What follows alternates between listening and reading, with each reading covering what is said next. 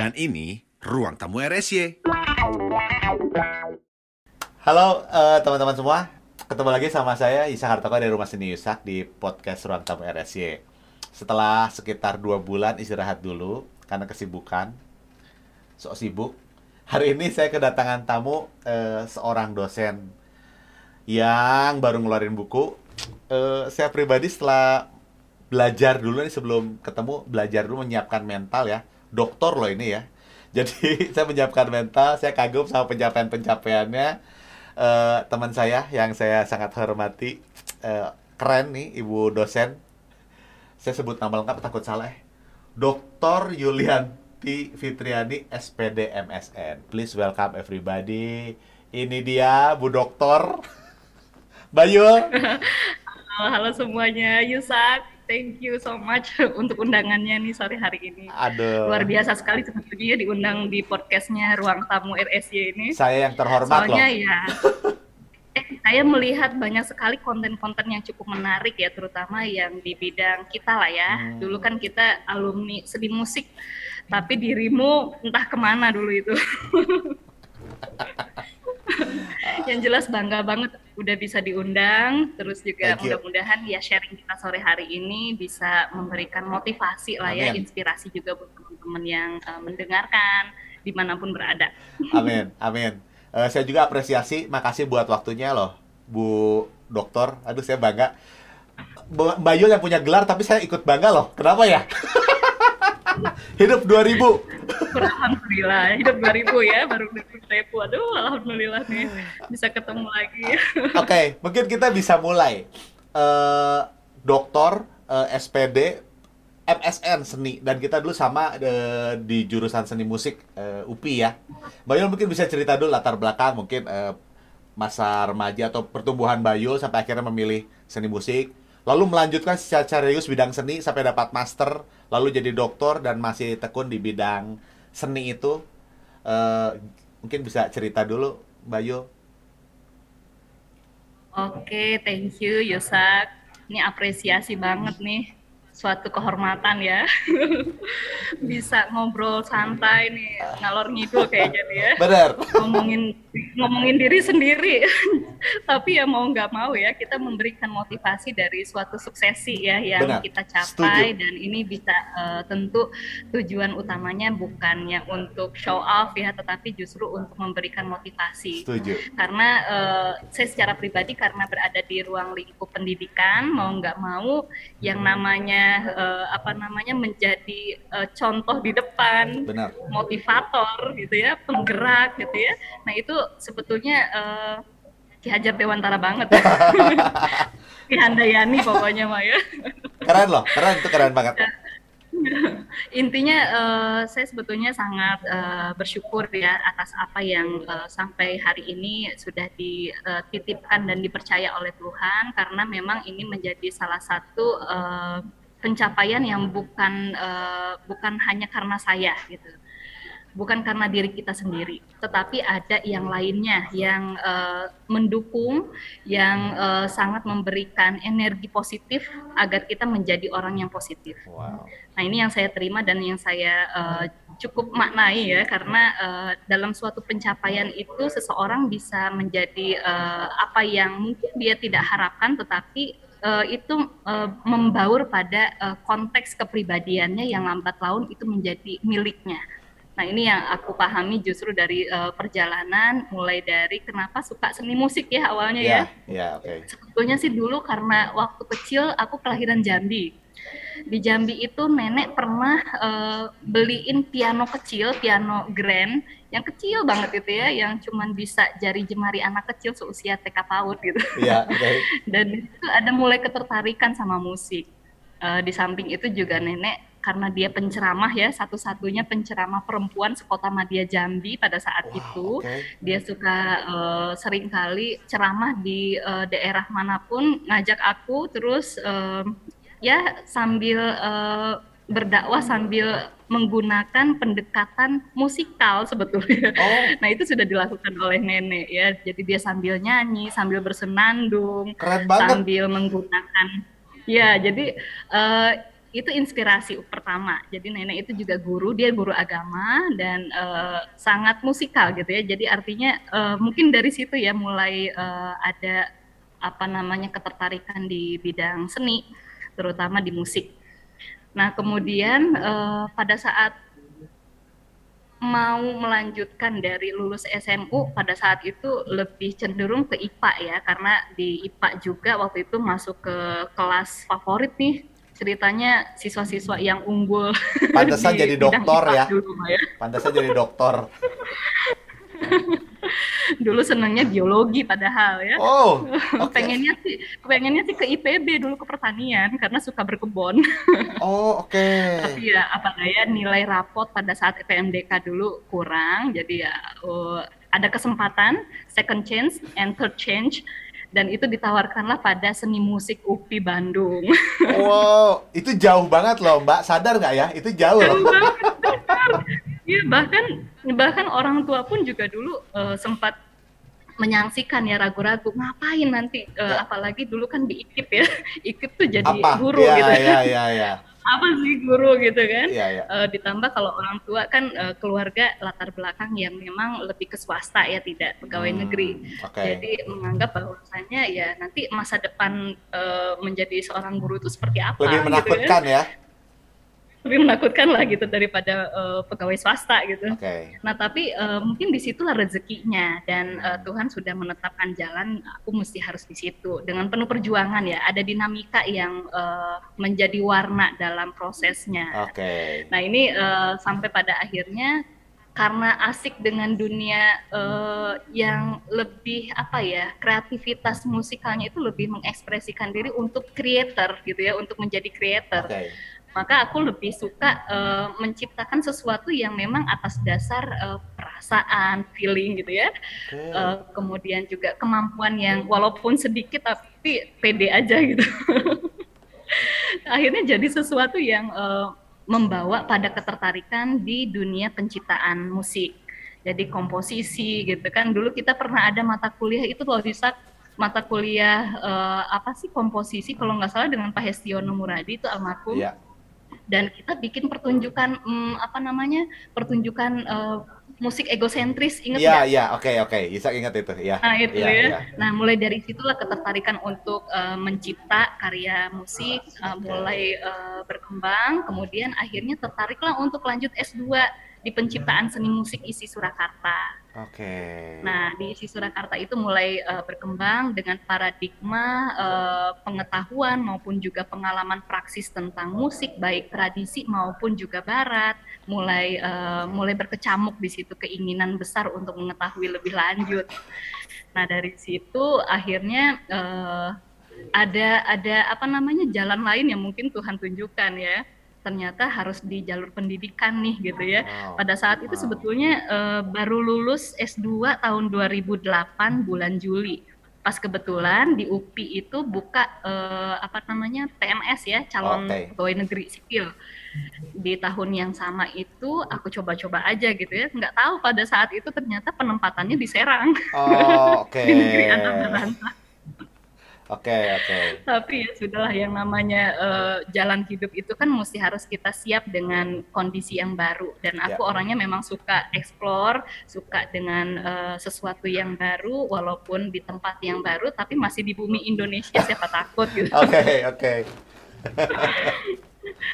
Akhirnya ya syukur alhamdulillah ini kita uh, ngomong soal apa namanya kesempatan bisa sampai ke Banten karena Banten itu karena memang penempatan dosen di UPI itu uh, pada saat itu adalah kampus daerah hmm. di mana kampus daerah kebutuhan uh, dosen atau tenaga pengajar di bidang seni itu sangat dibutuhkan ya itu peluang yang sangat baik ya, ya. Uh, apalagi di Banten memang uh, jarang sekali ada lulusan seni yang uh, mengajar, mengajar di situ. artinya okay. dalam dalam konteks lebih uh, lebih uh, apa ya lebih di perguruan tinggi tapi kalau mengajar di sekolah kan seperti di SD SMP banyak, SMA ya. kalau SD lebih umum ya kalau SMP SMA ya banyak lah gitu lulusan lulusan seni yang sudah mengajar okay. tetapi kalau untuk di perguruan tinggi Uh, pada saat itu pun juga mungkin UPI menjadi satu-satunya uh, kampus yang memiliki dosen seni yang berlatar belakang seni gitu. Jadi itu suatu kebanggaan Oke. juga bisa diterima di, di ya eh, sampai pada akhirnya di tahun 2011 lah mulai ini juga nggak tahu keceplosan atau gimana gitu ya tiba-tiba aja ingin udah deh lanjut S3 gitu ya itu iseng-iseng berhadiah Oke, oke, oke. Heeh. Yang pada akhirnya menuntut untuk eh, harus dituntaskan sudah dengan dinamikanya yang terjadi ya karena sudah berkeluarga juga ada tanggung jawab lain yang harus eh, Dipenuhi ya. diimbangkan gitu ya. Iya, iya. Pada akhirnya ya di tahun 2019 lah baru bisa menyelesaikan studi S3. Berapa lama, Mbak? Itu S3-nya? 9 tahun. 9 tahun. 9 Pendidikan dasar lah itu ya, 9 tahun. sampai SMP ya. Zaman dulu. Wow, perjalanannya luar biasa. Perjalanannya luar biasa. Mbak, aku eh, tadi dengar ceritanya agak tertarik soal ini. Eh, pertama kali mungkin di UPI ya, tadi UPI Serang, ada pengajar seni yang latar belakangnya eh, seni juga. Emang sebelumnya biasanya yang yang mengajar seni latar belakangnya apa yang bisa nyambung ke situ? Ke seni juga. Nah, latar belakangnya itu mungkin eh, belum sampai mencapai tahap atau tarapan yang eh, dibutuhkan ya. Misalnya dosen harus S2 gitu kan Hmm, minimalnya. iya. Oke. Ini kan masih dulu itu masih banyak yang belum eh, ke magister ya, masih Oke. sarjana. Sarjana, ya. Nah, itu sebetulnya memang kalau di UPI Kampus Serang sendiri mereka eh, ngedrop dosen dari eh, kampus pusat. UPI Bandung. Iya, iya. Dulu kalau nggak salah itu Pak Yudi dan Pak Dodi Holid pernah Oh, di, ngajar di Serang. sini. Oh, oke, iya, iya. mereka mereka dosen terbang gitu, Oh, iya, iya, oke, oke, oke. ngapung gitu dari Dari Bandung Bandung? sini. Ya, tamu, oke, oke. Isak sempat, Isak sempat ke ke UPI Bandung sih ngobrol-ngobrol sama Pak Yudi waktu itu. Jadi ada yang Isak pengen tanyain gitu. Waktu itu Isak pengen nulis buku, Mbak. Jadi su- sudut pandangnya Isak waktu itu merasa butuh butuh sudut pandang dari orang yang memang ber- berkecimpung dalam dunia seni dan akademis. Waktu itu siapa ya pikir-pikir, Isak pikir wah Pak Yudi tuh waktu itu dan datang. Sambutannya oke banget sih. Tapi di tengah itu Isak nggak lanjut karena Isak kemudian sakit cukup lama dan nggak dilanjutin gitu. Jadi bukunya sampai sekarang juga belum jadi. Malam Bayul keluar buku eh. dan bukunya keren banget. Eh, judulnya eh, apa judulnya Mbak? Menalat tujuan menghayati pendidikan. Konsep-konsep internalisasi nilai estetik Aduh. empirik pendidikan musik. itu estetik empirik. Yusak eh, nontonin YouTube Mbak Yul. Eh, dan kata-kata itu tuh akrab, menjadi akrab. Estetik empirik. Mbak, apa sih Mbak? Estetik empirik itu apa sih? Kalau bisa dijelaskan kepada orang awam gitu. Sebetulnya simpelnya gini, eh, kalau kita mau menjelaskan ya, ya katakanlah orang awam ya, eh, bangsa kita paling seneng dibilang awam. Oh iya, saya nggak mau loh sebenarnya. Nah itu dia makanya, kenapa kita kok paling seneng gitu kan? Kami yang awam, padahal sebetulnya kita mengetahui kok itu. Nggak, saya pikir itu adalah tempat untuk kita punya ruang untuk bersalah ya, untuk salah. Jadi kalau salah kita nggak malu, karena sebenarnya mungkin kalau kata Yusak lebih eh, lebih enak kalau salah itu nggak dijudge. Jadi ngaku duluan aja saya awam, supaya kalau salah wajar, iya nggak sih? Iya, ciri khasnya Ciri ya bangsa khasnya kita. ya, begitu. supaya lebih sopan. Ya pada intinya sih, pada intinya sih gini. Jadi kalau kita mau eh, melihat eh, yang lebih simpelnya ya, sederhananya dari makna estetika itu apa? Ya, Kalau kita mengupas dari segi teori ataupun dari sudut pandang eh, para ahli ya, Ya. itu akan sangat akademis sekali gitu Ya. ya. Tetapi kalau kita menghubungkannya dengan konteks kehidupan sehari-hari itu mungkin akan lebih mudah untuk Dipahami, dimaknai gitu ya. ya, mudah dipahami gitu. Nah, eh, istilahnya gini, kalau misalnya kita merasakan sesuatu kemudian kita gembira atau kita merasa lega gitu ya, itu sebetulnya eh, yang berhubungan dengan estetis. Kayak misalnya kita berdecak kagum atas eh, misalnya mm, lukisan alam semesta aja ya. oke. Nggak perlu jauh-jauh lah kita melihat gunung aja ya. Ya, Gunung dari kejauhan atau kita melihat atau merasakan adanya desiran ombak di pantai. Itu sebetulnya unsur estetik yang sudah ada tertanam dalam diri kita, yang sudah Tuhan titipkan sebetulnya. Hmm. Hanya tinggal bagaimana itu ternyata kita sadari sebagai estetik, gitu. Okay. Kan estetika itu berkaitan dengan keindahan gitu yeah, ya. Yeah, yeah. Sesuatu yang berkaitan dengan uh, apa yang membuat diri kita menjadi bahagia, yang membuat kita menjadi gembira, senang, uh, leluasa hati kita tidak merasa sempit dan sebagainya itu sebetulnya berkaitan dengan uh, nilai estetika yang aku maksud dalam buku itu gitu ya. Sementara empirik itu adalah pengalaman. Okay. Pengalaman yang kita alami baik yang langsung maupun yang tak langsung Artinya pengalaman yang langsung itu ya kita sendiri yang uh, apa namanya yang merasakannya menggunakan panca indera kita ya kita yang menghirupnya kita yang merasakan kita yang meraba kita yang melihat kita yang mendengar kita yang mengecap tetapi kalau empirik yang tak langsung itu mungkin bisa dari apa yang kita dengar berupa berita. Hmm, atau misalnya okay. kita nonton suatu pertunjukan musik di YouTube gitu ya. Itu kan uh, empirik yang tak langsung. Atau kita me mendengar cerita orang yang nonton sebuah pertunjukan. Itu empirik tak langsung yang kita terima gitu ya. Menjadi pengalaman kita juga. Nah itu sebetulnya sesuatu yang sangat umum kok ya. Misalnya kita uh, melihat sebuah pertunjukan katakanlah misalnya yang paling simple itu uh, doger monyet misalnya ya. Doger monyet di jalanan aja di alun-alun misalnya ya.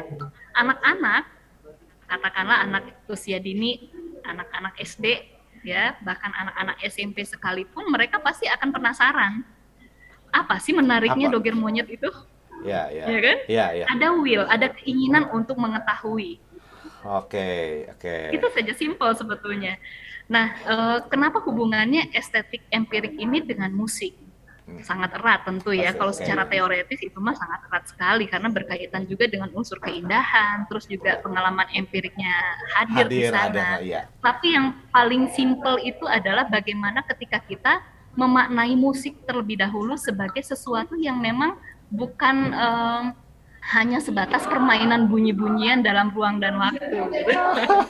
Oke, oke, oke. Tapi justru jauh lebih luas dari itu. Ya, wow. bagaimana kita bisa uh, mengasosiasikan kepada masyarakat awam okay. bahwa uh, apa yang dia dengar kemudian itu memberikan uh, feedback positif bagi uh, apa ya kesannya seperti uh, memberikan efek bahagia atau efek indrawi gitu ya kepada yang menerimanya, menangkapnya itu menjadi sesuatu yang estetis empirik. Oke. Okay. Itu dalam musik. Kalau kita menerjemahkan musik tidak hanya saja pada soal uh, permainan bunyi-bunyian yang disusun dalam ruang dan waktu. Oke, okay, oke. Okay, okay. Tidak hanya itu. Wow. Berarti kan ini ya, uh, urusannya ya sebetulnya sangat luas ya kalau kita membahas okay, tentang okay, teori okay. musiknya mungkin akan lebih spesifik, tetapi uh, simpelnya kita ketika men menjelaskan kepada masyarakat yang dikatakan awam tadi ya bahwa uh, hidup kita ini ya diselimuti dengan unsur-unsur yang sifatnya estetis dan empirik. Oke. Okay. wow, penjelasannya wow banget nih. uh, apa ya? Pemahaman ini ada pengaruh dari pembelajaran S2 dan S3-nya kah, Mbak? Ya, tentu ya. Uh, pembelajaran selama kita mengikuti uh, di jalur formal maupun juga pengalaman selama kita hidup di uh, lingkungan itu akan uh, menjadi sesuatu yang terintegrasi. Okay. Artinya uh, saling berhubungan. Kita nggak bisa hanya memisahkan bahwa pengalaman bermusik saya hanya saya peroleh dari uh, universitas, nggak bisa. Nggak bisa. Ya, Oke, okay. saya setuju. Universitas itu menguatkan. Uh, universitas itu menguatkan apa yang sudah kita miliki secara terintegrasi kita punya pengalaman dari tempat lingkungan keluarga kita, tempat kita tinggal, ya neighbor ya tetangga-tetangga kita lingkungan di sekolah bahkan ketika kita berada di uh, komunitas itu akan sangat memberikan pengaruh yang uh, saling memperkuat dan melengkapi apa yang ada di kampus atau pendidikan formal. Wow. gitu deh. uh, karena gini, saya saya senang dengarnya. Karena gini, uh, menurut saya Mbak Yul memberikan uh, apa ya? Memberikan definisi lah kalau saya boleh bilang gitu pada seni in the next level gitu. Uh, maksudnya gini, saya terlibat juga di uh, di sebuah kampus dan pembelajaran gitu ya, yang apa ditutup yang kampusnya tutup akhirnya. Lalu banyak orang komplain gini, bahwa sekarang tuh buka kampus musik tuh nggak akan laku. Karena orang bisa belajar musik dari YouTube, orang bisa belajar dapat informasi dari mana-mana sehingga belajar musik tuh nggak laku lagi. Saya sih agak kurang sepakat sama pendapat itu, karena bagi saya musik itu nggak sekedar belajar piano gitu lalu uh, apalah misalnya kita minuet gitu untuk anak yang uh, piano satu misalnya atau apa gitu. Seni tuh musik tuh bisa dimaknai lebih daripada hanya sekedar belajar musik gitu. Jadi waktu saya dengar uh, penjelasan Bayul tadi tuh kayaknya memberikan makna yang dicari-cari itu menurut saya dari musik yang nggak hanya sekedar memainkan sebuah karya musik tertentu saja gitu. Dan itu bagus That's right. very well said. Uh, betul karena sebetulnya nah ini uh, mungkin agak sedikit menjelaskan lagi dan membuka lagi ya bahwasanya ketika kita belajar musik itu uh, jangan membatasi diri kita pada sesuatu yang akhirnya mengerdilkan kemampuan kita. Sama aja seperti misalnya aku uh, pengetahuan dan pengalaman skill juga ya hanya bermusik itu ya hanya di bagian ketika uh, ada apa namanya uh, zong genre atau uh, apa ya gaya-gaya musik yang memang sangat klasikal gitu yeah, ya. Yeah. Sementara kebutuhan di masyarakat misalnya ya betul. lebih banyak dari itu betul, gitu. Betul. Makanya kita nggak bisa membatasi diri dengan hal-hal yang menurut kita hanya spesifik di situ. Nah ini yang juga membuka uh, apa namanya pemahaman yang lebih luas ketika uh, ternyata belajar musik dari musik justru saya uh, mampu memahami bidang-bidang keilmuan secara filosofis ya. Artinya kita juga bisa membahas uh, dari sisi filsafatnya bagaimana sih musik itu gitu ya. Dari sisi kemanusiaannya humanity-nya juga ada pasti gitu. Ketika kita memaknai musik dari sisi ekonomisasinya juga ada gitu ya. Wow. Dan itu yang menjadi sesuatu yang harus kita siapkan nih. Hari ini dibutuhkan nih uh, di uh, pengembangan ekonomi kreatif itu musik itu menjadi salah satu uh, wah ini uh, kayaknya vehicle yang sungguh dahsyat yeah. nih kalau digunakan untuk setuju. mengembangkan ekonomi kreatif bangsa gitu setuju, kan. Setuju, Wow, menarik. Jadi uh, kalau saya misalnya gini, ada tanggapan orang-orang bahwa buka kampus musik, buat jurusan musik itu nggak akan laku sekarang karena udah ada YouTube atau enggak? Gimana menurut Mbak Yul? Ya, itu sih oke okay ya. Maksudnya kita mungkin bisa menawarkan ada dua parameter atau paradigma yang membedakan antara belajar musik secara khusus, khususnya itu dalam artian uh, oke okay, uh, eh, inti dari belajar musik bukan hanya menjadi musisi atau player, wow, gitu ya, nice. bukan hanya saja menjadi uh, ayaga, gitu ya kalau di karawitan, yeah, ya. Yeah, yeah, tetapi yeah, yeah. justru ada nilai-nilai lain yang dikembangkan dan dibangun dari belajar musik. Nah, itu yang hal yang perlu harus dibedakan. Makanya ada kurikulum yang perlu harus kita siapkan secara taksonomis di uh, di uh, apa namanya? katakanlah di perguruan tinggi yang memang basisnya mengembangkan uh, seni ya khususnya musik misalnya kayak STIMB terus juga di UPI sendiri ada prodi musik gitu ya, ya, ya. terus di uh, ISBI dan lain-lainnya kampus-kampus yang memang uh, mereka mengembangkan secara spesifik muatan-muatan materi apa saja konten yang dibutuhkan untuk uh, musik itu bisa menjadi bagian dari kehidupan. Wow. Nah, secara skill oke, okay. kognitifnya, pengetahuannya apa sih yang dibutuhkan? Begitu pula dengan afeksinya gitu kan. Dengan uh, pengetahuan afektif uh, yeah, seseorang yeah. itu dengan musik bisa merasakan apa aja gitu kan. Wow. Dan itu harus membantu dirinya untuk menguatkan uh, jati diri bangsa, bukan lagi ngomong soal karakter akhirnya. Wow. Wah, saya senang sekali loh dengarnya, Mbak.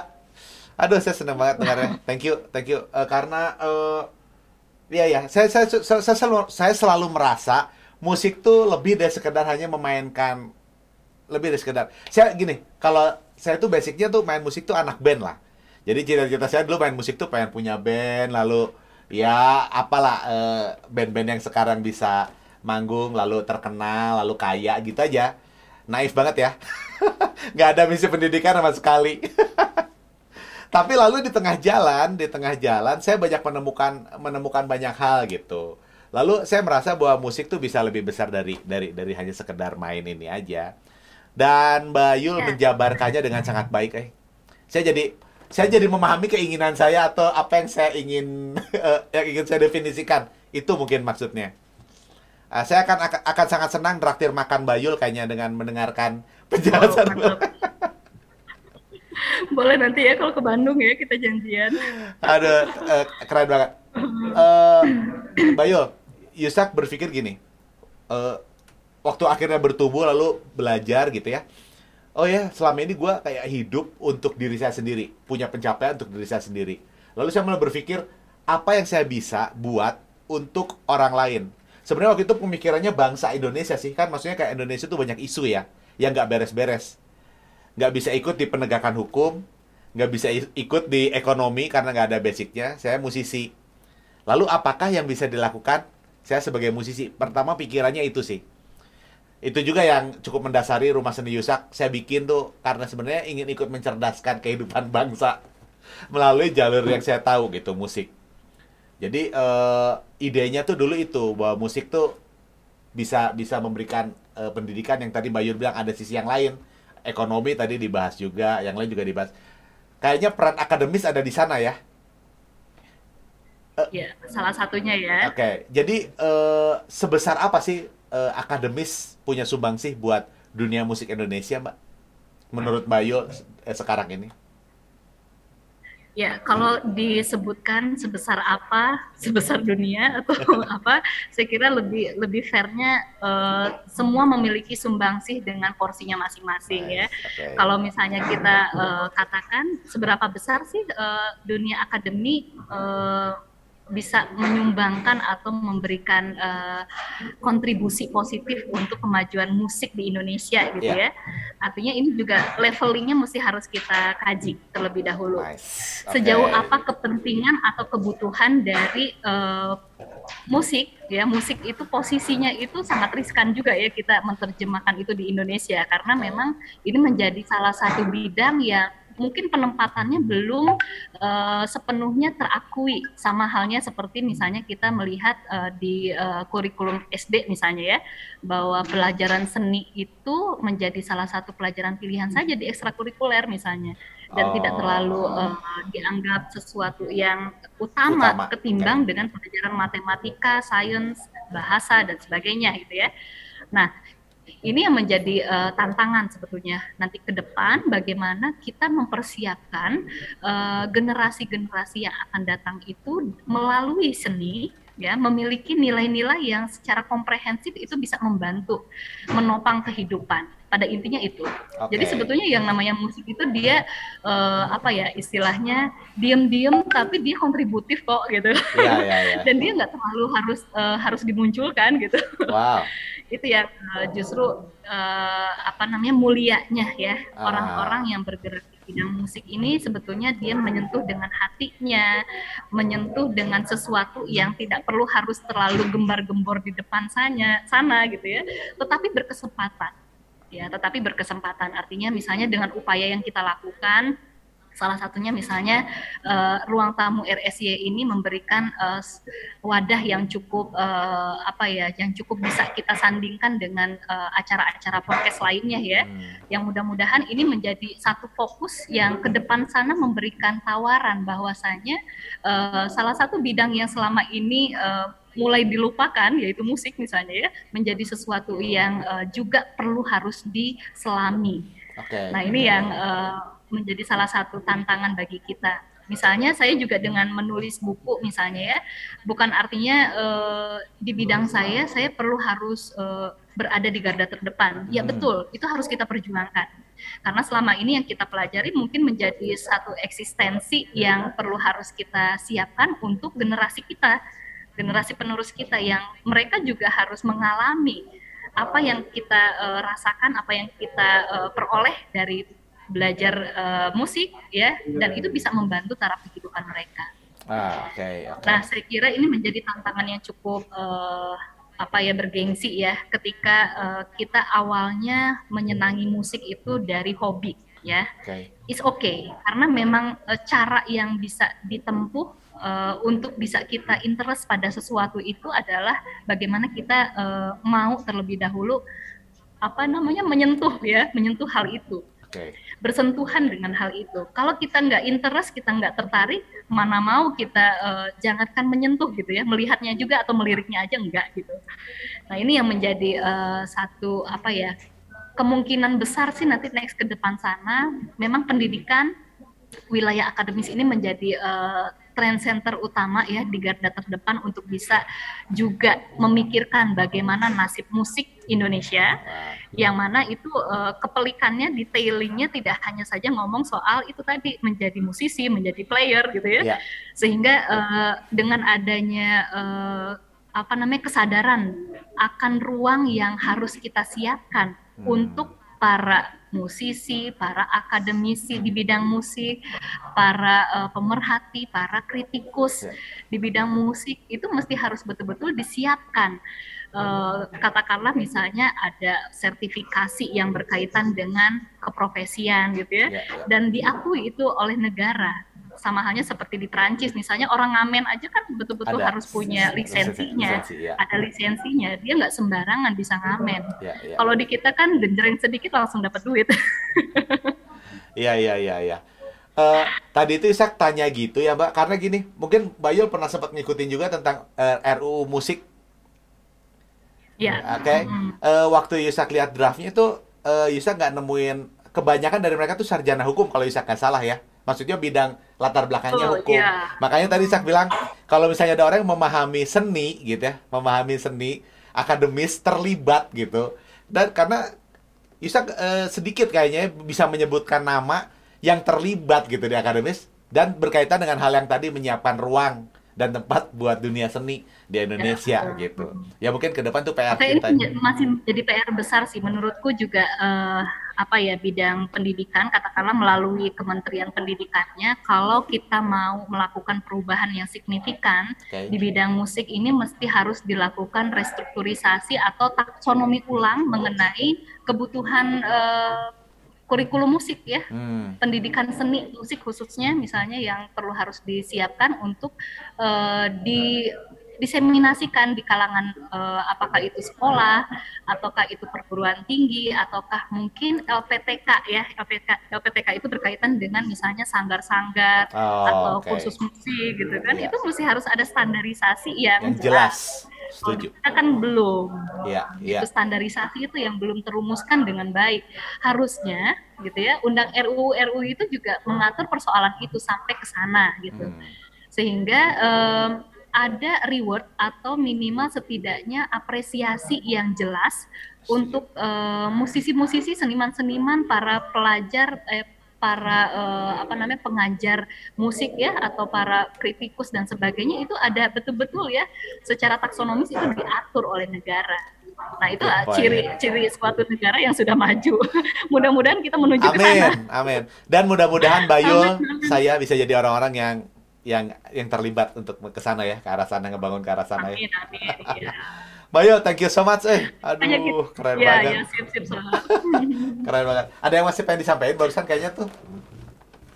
Nah, ini salah satu eh, tantangan juga nih buat ruang tamu RSY next ke depannya Ya. eh, dengan adanya ruang diskusi yang sangat menarik dan lebih intim ya. Artinya kita juga bisa lebih sering Hmm. dan eh, intensitas yang bisa diciptakan itu bisa lebih banyak gitu ya supaya nanti eh, kalau kita memperjuangkan sesuatu itu mesti eh, intensitasnya tinggi nih. Oke. Ya mesti sering gitu ya Iya, iya, iya. kontinuitas dan keberlanjutannya juga mesti harus hmm, Dijaga. kelihatan Iya, gitu, iya. supaya Oke, oke, hmm, oke, oke. sama aja kampanye ya kalau kampanye itu kan perlu wah terus ya Oke, oke, pagi oke. siang malam kalau bisa lebih dari Good. seperti minum obat Good point, good point. Jadi eh, serang satu nih. enggak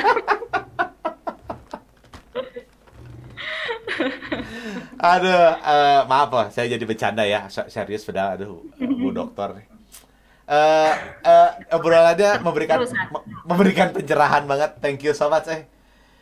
Wah, kejawab semua, eh. Saya senang. sama sama Thank you, thank you. Eh, sebenarnya bakal welcome, bakal banyak yang bisa diobrolin, cuman kayaknya eh segini dulu kali ya. Supaya bisa dicerna. Ah, oke.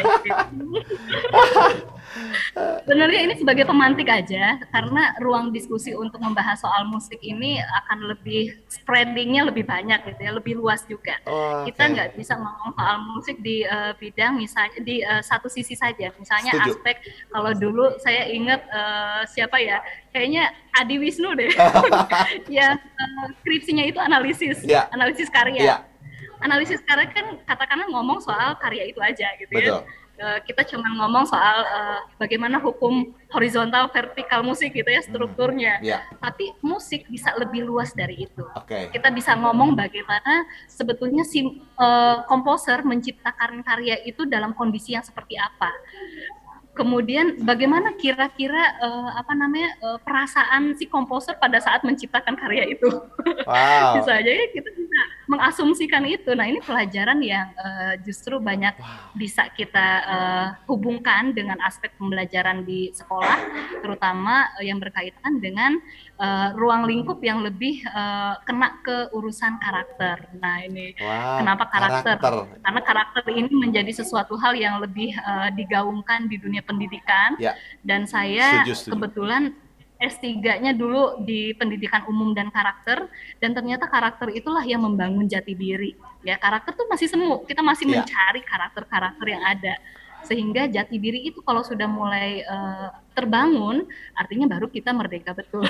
Wow, ya, ya, ya, ya. Wow, lagi-lagi wow.